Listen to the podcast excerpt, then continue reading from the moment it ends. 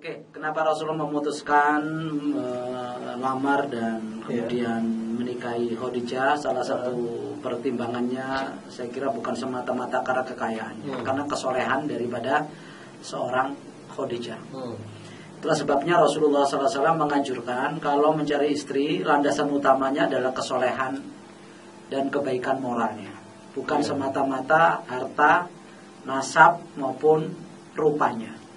Walaupun itu manusiawi ya, rupanya cakep itu Ya. manusiawi, hartanya banyak itu manusiawi, nasabnya tinggi itu manusiawi menjadi pertimbangan.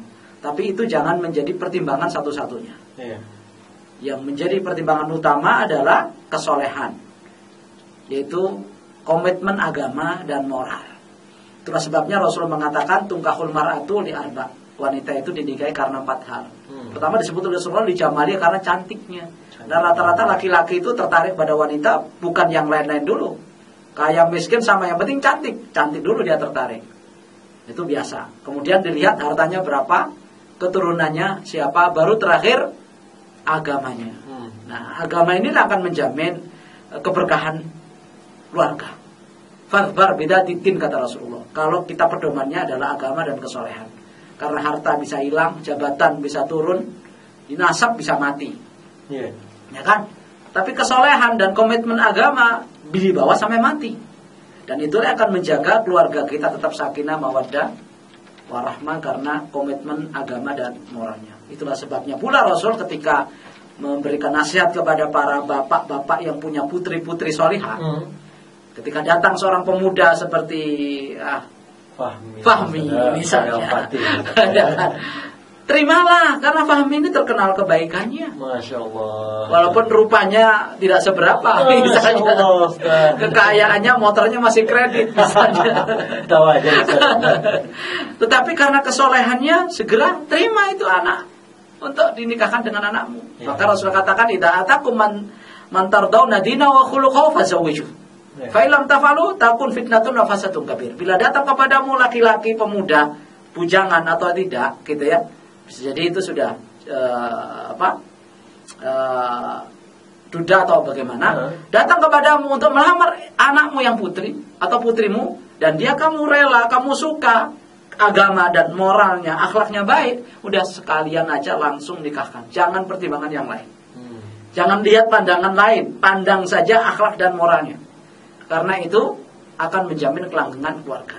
Bila itu tidak jadi pertimbangan, pertimbangannya hanya rupa, pertimbangannya hanya harta, pertimbangannya hanya tahta, Rasul katakan, bila kamu tidak lakukan itu gara-gara bukan pertimbangan agama dan akhlak, maka kata Rasulullah takun fitnah menjadi fitnah bagi keluarganya.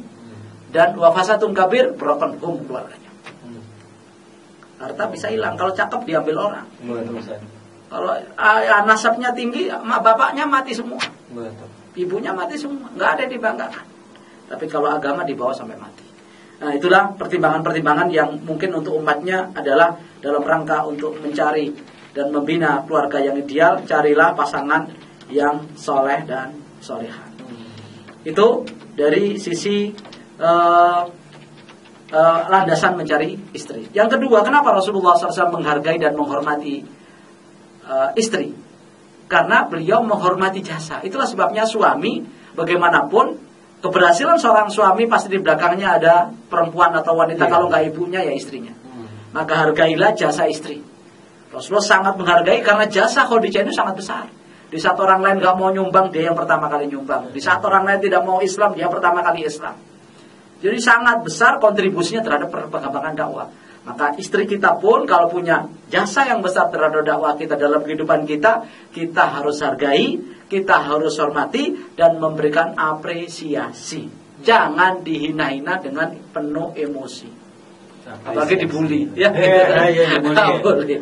ya, karena bagaimanapun istri ya yang punya jasa tetap harus dihargai betapapun punya kekurangan dan kesalahan. Itu yang bisa kita ambil ibrah dari Ya. Rasulullah SAW. Nah sekarang kita lanjut ke keluarga Rasul bersama Aisyah. Iya. Aisyah ini memang istri Rasulullah paling muda, Hmm. paling cakep. Dan beliau dinikahi oleh Rasulullah SAW itu usia 6 tahun dan dikumpul oleh Rasulullah saat usia 9 tahun. Hmm.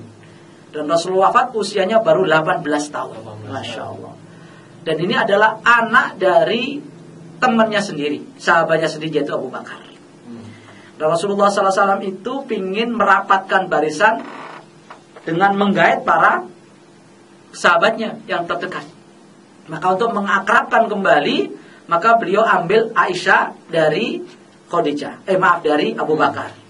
Biar hubungannya lebih erat lagi. Bahkan Rasulullah juga menjadi menantunya Umar. Hmm. Rasulullah menjadi mertuanya Ali. Rasulullah menjadi mertuanya Uthman. Jadi empat khalifah itu semuanya keluarga beliau. Kalau nggak kalau nggak mertua ya menantu. Itu menunjukkan bahwa Rasulullah membangun kekuatan dari keluarganya.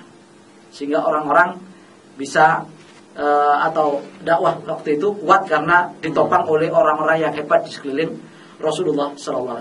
Kembali kepada Aisyah. Hmm. Aisyah ini atau Rasulullah bersama Aisyah banyak cerita-cerita romantis. Hmm. Karena beliau paling muda dan paling cakep, sering kali Rasulullah memanggilnya kalau itu memang dalam rangka untuk membangun romantisme dalam keluarga, panggilannya harus panggilan sayang. Ya manis gitu ya, bukan ya pahit. gitu. Ya. Nah, istrinya eh, sek- sekalipun apa pun rupanya panggilannya harus baik. Rasulullah kalau manggil Aisyah tuh ya Humaira wahai istriku yang pipinya kemerah-merahan saking cakepnya. Kalau kita merah karena be- bedak wardah dan citra. Asalnya saya hitam karena bedak wardahnya banyak jadi kemerah-merahan. Nah, itu panggilan sayang. Maka tetap saja kalau bersama istri panggilannya harus panggilan sayang. Hmm. Panggilan romantis. Dan banyak sekali Rasulullah SAW untuk mengakrabkan hubungan dengan istri itu, Rasulullah SAW sering melakukan sesuatu yang menurut kita barangkali agak tabu begitu ya. Misalnya Rasulullah SAW minum Iya. susu nih. Hmm. Belum sebelum diminum diberikan susu ini kepada Aisyah. Hmm. Aisyah suruh minum, dek, ya Humaira, Masya ishrabi, ya, minumlah dulu wahai sayangku, gitu ya. Setelah diminum oleh Aisyah, dilihat oleh Rasul bekas bibirnya Aisyah. Jadi nggak sembarang tempat minum, blub blub blub itu enggak. Bekas bibirnya aja dicari, oh istrinya kan nggak apa-apa, Iya, iya, ya kan? betul, betul. Jangan kan gelasnya langsung aja boleh, gitu kan? Iya, Karena iya. istri. Dicarilah gelas gelas bekas bibirnya Aisyah yang nempel di gelas ini. Di situlah Rasulullah minum. Masya Allah. Waduh, mantap gitu kan Ya. dan nggak ada bekasnya ini Oh, iya.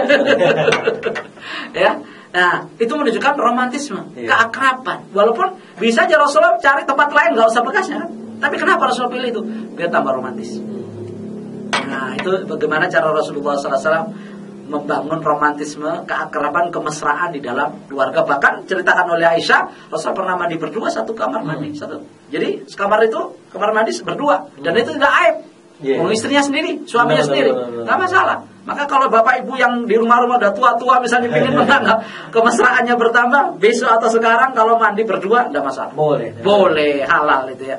Jangan kan di kamar mandi, di kamar tidur aja boleh, gitu kan? Lebih dari itu boleh karena istrinya sendiri dan suaminya sendiri. Sudah halal ya, Ustaz. Nah, itu halal. Nah, itulah menunjukkan bahwa betapa banyak hal yang diceritakan oleh Aisyah karena Aisyah itu paling muda dan paling cerdas, makanya beliau sampai bisa meriwayatkan eh, sampai sekitar 200 eh, 2210 hadis dari Rasulullah SAW karena banyak berinteraksi dengan Rasulullah Muhammad SAW. Itulah saya kira bagaimana potret kehidupan Rasulullah SAW bersama istrinya dan ini baru dua istri yang kita bisa potret karena kita tidak banyak Iya. tahu tentang yang lain. Betul juga nih. Dan Iya. ini kita udah di penghujung. ya, Penghujung, iya, iya. Kita eh, di di detik-detik terakhir ini kita mintakan kepada Ustaz nih Oke. pembahasan kita tadi eh, mungkin keluarga sip sudah apa bagaimana menyimpulkan yang karena di rumah keluarga sip yang mencatat-catat dicoret-coret. Nah, Ya. kesimpulan lagi nih dari Ustaz nih. Oke, Ya. berapa menit nih? Berapa menit lagi nih? Dua menit. Nih keluarga sip. Oke, jadi Dua yang dari sekarang. pertama sebelum menikah persiapkan diri masing-masing, mental, spiritual, moral, modal. Monta, eh, modal, modal, Mental, spiritual, Iya. moral, modal. Jadi tidak cukup modal mental, gitu ya. Eh maaf, tek- tekad hanya sekedar eh, mental, tapi modal pun harus eh, diperkuat sisi ekonominya karena untuk menopang kehidupan keluarga. Yang kedua, dasar untuk menikah itu adalah agama, dan Agama moral, dan moral. bukan semata-mata urusan nafsu duniawi atau kebutuhan biologis. Cantik, kaya, Ustaz. keturunan orang baik-baik itu jelas lah. Tapi yang lebih utama fokusnya adalah kepada kebaikan dan kesolehan agama dan moralnya. Itu menjadi penting karena itu menjadi modal utama untuk kesolehan dan kebaikan keluarga di masa mendatang. Yang ketiga, bahwa seorang suami dalam hidupnya harus tetap menghargai apa pun jasa seorang istri, menghargai dan mengapresiasi. Hmm. Karena betapapun keberhasilan suami adalah berkat dari jasa para istri-istri itu. Sekalipun mungkin ada kekurangan itu wajar lah, tidak ada orang yang tidak ada kekurangan. Tapi hargailah jasanya, hormatilah ya eh, perjuangannya dan pengorbanannya, maka berikan apresiasi dengan cinta yang begitu mendalam sebagaimana Rasulullah terhadap Khadijah. Yang terakhir adalah dengan Aisyah.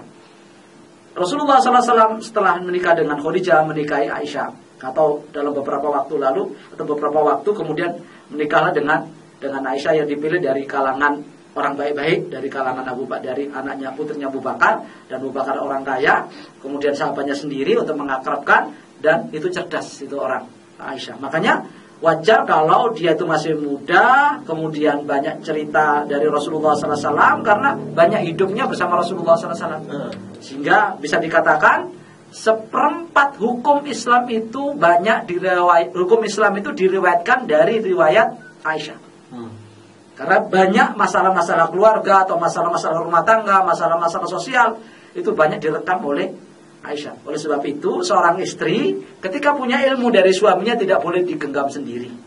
Diriwayatkan kepada yang termasuk di antaranya menjadi murid Aisyah adalah Abu Hurairah. Hmm. Bahkan dari kalangan tabiin adalah uh, Said bin Musayyib menantu Abu Hurairah radhiyallahu anhu. Nah, saya kira itu secara singkat saja kalaupun ingin tambah nanti di luar forum. ya.